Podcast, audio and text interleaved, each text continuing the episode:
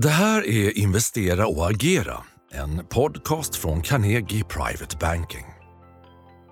Torsdag 9 november. Fortsatta räntefall får börserna att lyfta. Vi ställer frågan om vi har sett en alltför utbredd pessimism hos investerare eller är det så att hörslovsrallyt är alltför optimistiskt? Vilken vägkarta ser vi framför oss under återstoden av året. Vi kommer reda ut marknadssentimentet, trender och triggers med Carnegies tekniska analytiker Jonny Torssell. Själv heter jag Henrik von Sydow. Välkommen till podcasten Investera och agera. Och välkommen till podden Jonny. Tack! I media ofta kallad grafgurun eftersom du har en omvittnad förmåga att bedöma sentimentet eller humöret hos investerare och därmed vilka trender som kommer prägla handeln. Och den styrka som jag sett på inte minst amerikanska börser på Wall Street sedan höstlovet, den håller ju i sig. Teknik och tillväxttunga Nasdaq är nu i den längsta uppgångssviten på två år. Är det här vändningen för global riskaptit? Ja, det finns ju många variabler i den tekniska analysen som talar för det. Till exempel så har vi fått köpsignaler i flera av de Eh, Eh, av de så kallade momentumindikatorerna som jag använder mig av och det har vi fått i alla ledande USA-index, det vill säga både S&P, Nasdaq, Dow Jones och Nyse-börsen det vill säga den riktigt breda börsen. Sen har vi också fått eh, köpsignal köpsignaler i flera av breddindikatorerna som har vänt upp och signalerat köp. Och vad är en breddindikator? Jo, det är som ett exempel. Eh, om man tittar på S&P 500, det ingår ju 500 aktier där. Hur många av de aktierna noteras med en köpsignal som senaste signal? Där har det varit nere under 20-nivån och vänt uppåt igen. Och historiskt när det här har varit så, så har det givit väldigt tillförlitliga köpsignaler. Så där har vi också fått köpsignaler. Sen kan vi konstatera att både S&P och Nasdaq har gått upp åtta respektive uppgångsdagar nu i följd. Och det är ju väldigt, väldigt starkt. Mm. Och jag det... konstaterar nu också att i samband med de här åtta uppgångsdagarna så är det en av de starkaste eh, uppgångarna som vi har sett på över 12 månader. Mm. Och det här brukar jag kalla då en impulsrörelse, en stark rörelse på kort tid. Och mm. impulser brukar leda till fortsatta uppgångar. Mm. Så därmed då en vändning för den globala riskaptiten? Ja, du, om vi tar oss från amerikanska börsen, om vi går från New York till Stockholm. Stockholmsbörsen, vad är bilden där? Har Stockholm passerat börsbotten? Får jag bara nämna en annan variabel som jag tycker är väldigt viktigt när det gäller eh, den här eh, USA-börsen, det globala sentimentet som du var inne på. Eh, och det är att sentimentet just nu, eh, det är ju det, det har förändrats lite grann. Och, eh, när man tittar lite grann då på den nyhetsregel som jag använder mig av. Det vill säga den regel som säger att om det inte går ner i samband med negativa nyheter så är det en indikation på ett positivt sentiment. Och går det inte upp i samband med positiva nyheter, ja men då ska det förmodligen ner. Och vad vill jag då ha sagt med det här då? Jo, mot bakgrund av all den här geopolitiska eh, osäkerheten, det här eländet som vi ser just nu runt om i världen. Eh, så visar det här ett styrketecken. Eh, att, att det inte går ner i det här. Jag menar, om börsen nu hade gått ner, eh, säg 20 10-20% i samband med Hamas-attacken till exempel. Då hade alla experter eh, pratat just om det här att ja, men det är klart att det går ner som en konsekvens av den här osäkerheten. Men nu har det faktiskt gått upp. Just det. det är ett styrketecken. Och därmed ytterligare ett styrketecken, precis. Ja. Tillbaka då, från New York till Stockholm. Stockholmsbörsen, har det bottnat ur då för året? Man kan säga så här, Stockholmsbörsen ser betydligt svagare ut än eh, USA-börsen. Och jag har inga tydliga eller några starka signaler på på en höstbotten som jag ju har på USA-börsen. Men man får ju se det så här. Om USA-börsen har bottnat, vilket ju jag tror, så borde även Stockholmsbörsen hänga med eftersom USA-börsen många gånger är ju en ledande indikator för Stockholmsbörsen och många andra börser i Europa till exempel. Just det. Och om du då skulle ge din vägkarta för hur just handeln på Stockholmsbörsen kommer att gestalta sig fram till årsskiftet. Hur ser, hur ser den kartan ut?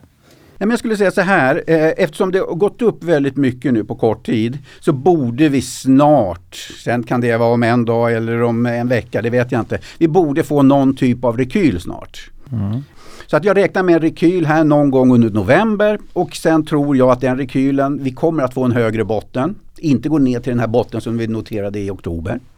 Eh, och sen efter den botten kommer vi gå upp och göra en ny högre topp igen. Och, det vill säga att få det här uh, julrallyt som vi normalt sett brukar få. Mm. Och vi har pratat om det i podden tidigare, det här starka säsongsmönstret som vi nu går in i. Vi pratar om att aktier är en vintersport.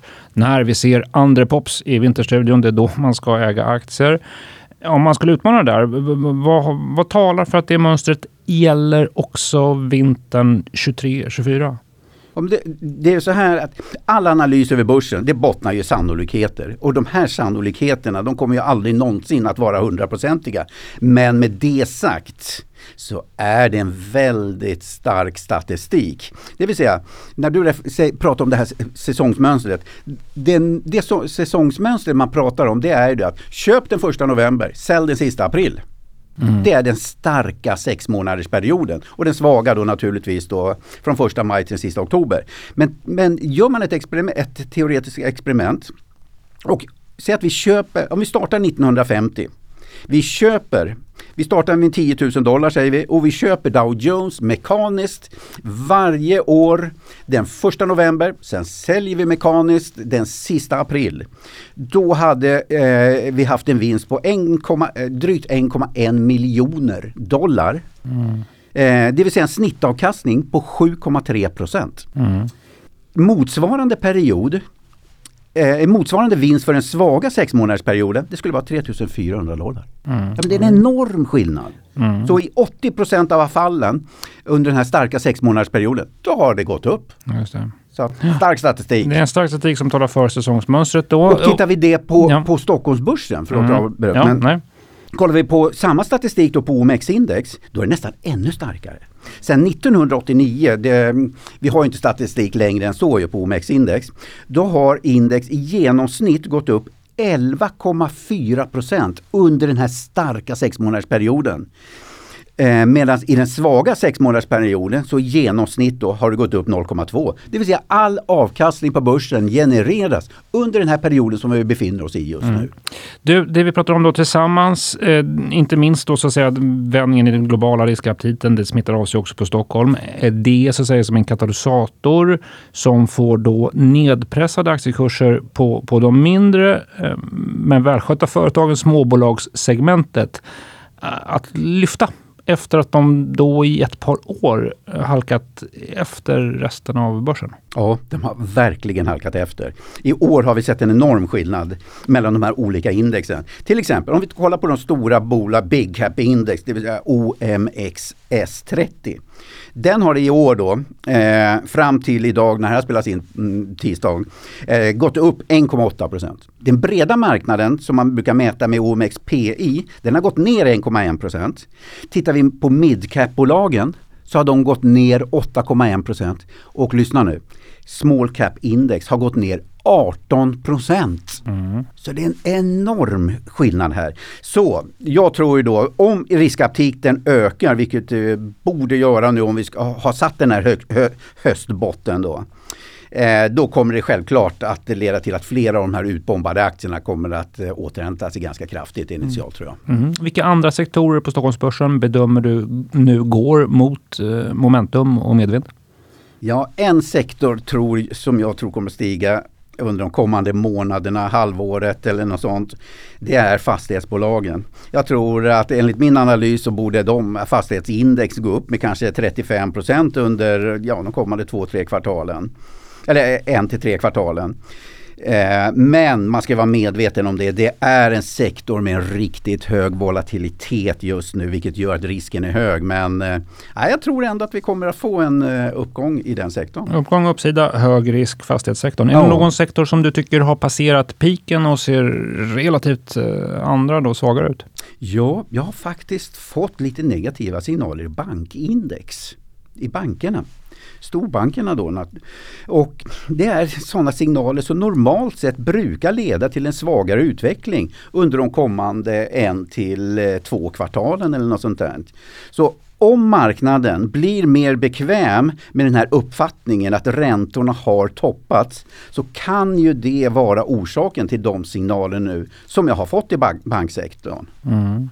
Du, låt oss också då prata om det som du faktiskt tog upp i början här, givet så att säga, liksom bredden i riskbilden. Eh, bland annat då med utvidgad konflikt i Mellanöstern. Eh, ett par andra orosmoln som vi har runt omkring oss. Vad, vad bedömer du sannolikheten att den här riskaptiten sjunker ihop som en sufflé igen?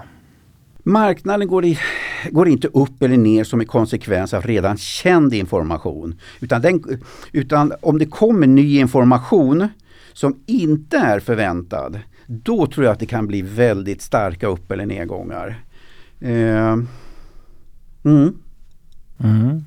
Så det innebär att vi, vi, vi är redan medvetna om risken? Och... Ja, alla placerare vet om att det kan bli en utvidgning av det här äh, mm. kriget i, i Mellanöstern. Eh, sen om det kommer, jag vet inte vad, det, det kommer. det ligger redan i prisbilden lite Ja men det kan göra ja. det. Jag är mm. inte helt säker på att om det skulle ske att det kommer att leda till nya lägre bottnar. Men det viktigaste för mig då det kommer ju naturligtvis bli att bevaka just det. Eh, sentiment, reaktionen på det. Mm, just det. Naturligtvis. Du kollar på reaktionen. Oh. Givet den miljö du, du, du beskriver, eh, det kanske är svaret, men vad, vad håller du ögon på? Vad, vad, sätter du blicken på? Ja, nej, men det är ju svaret. Det vill säga jag kommer att hålla ögonen på sentimentet. Det blir den viktigaste variabeln för mig.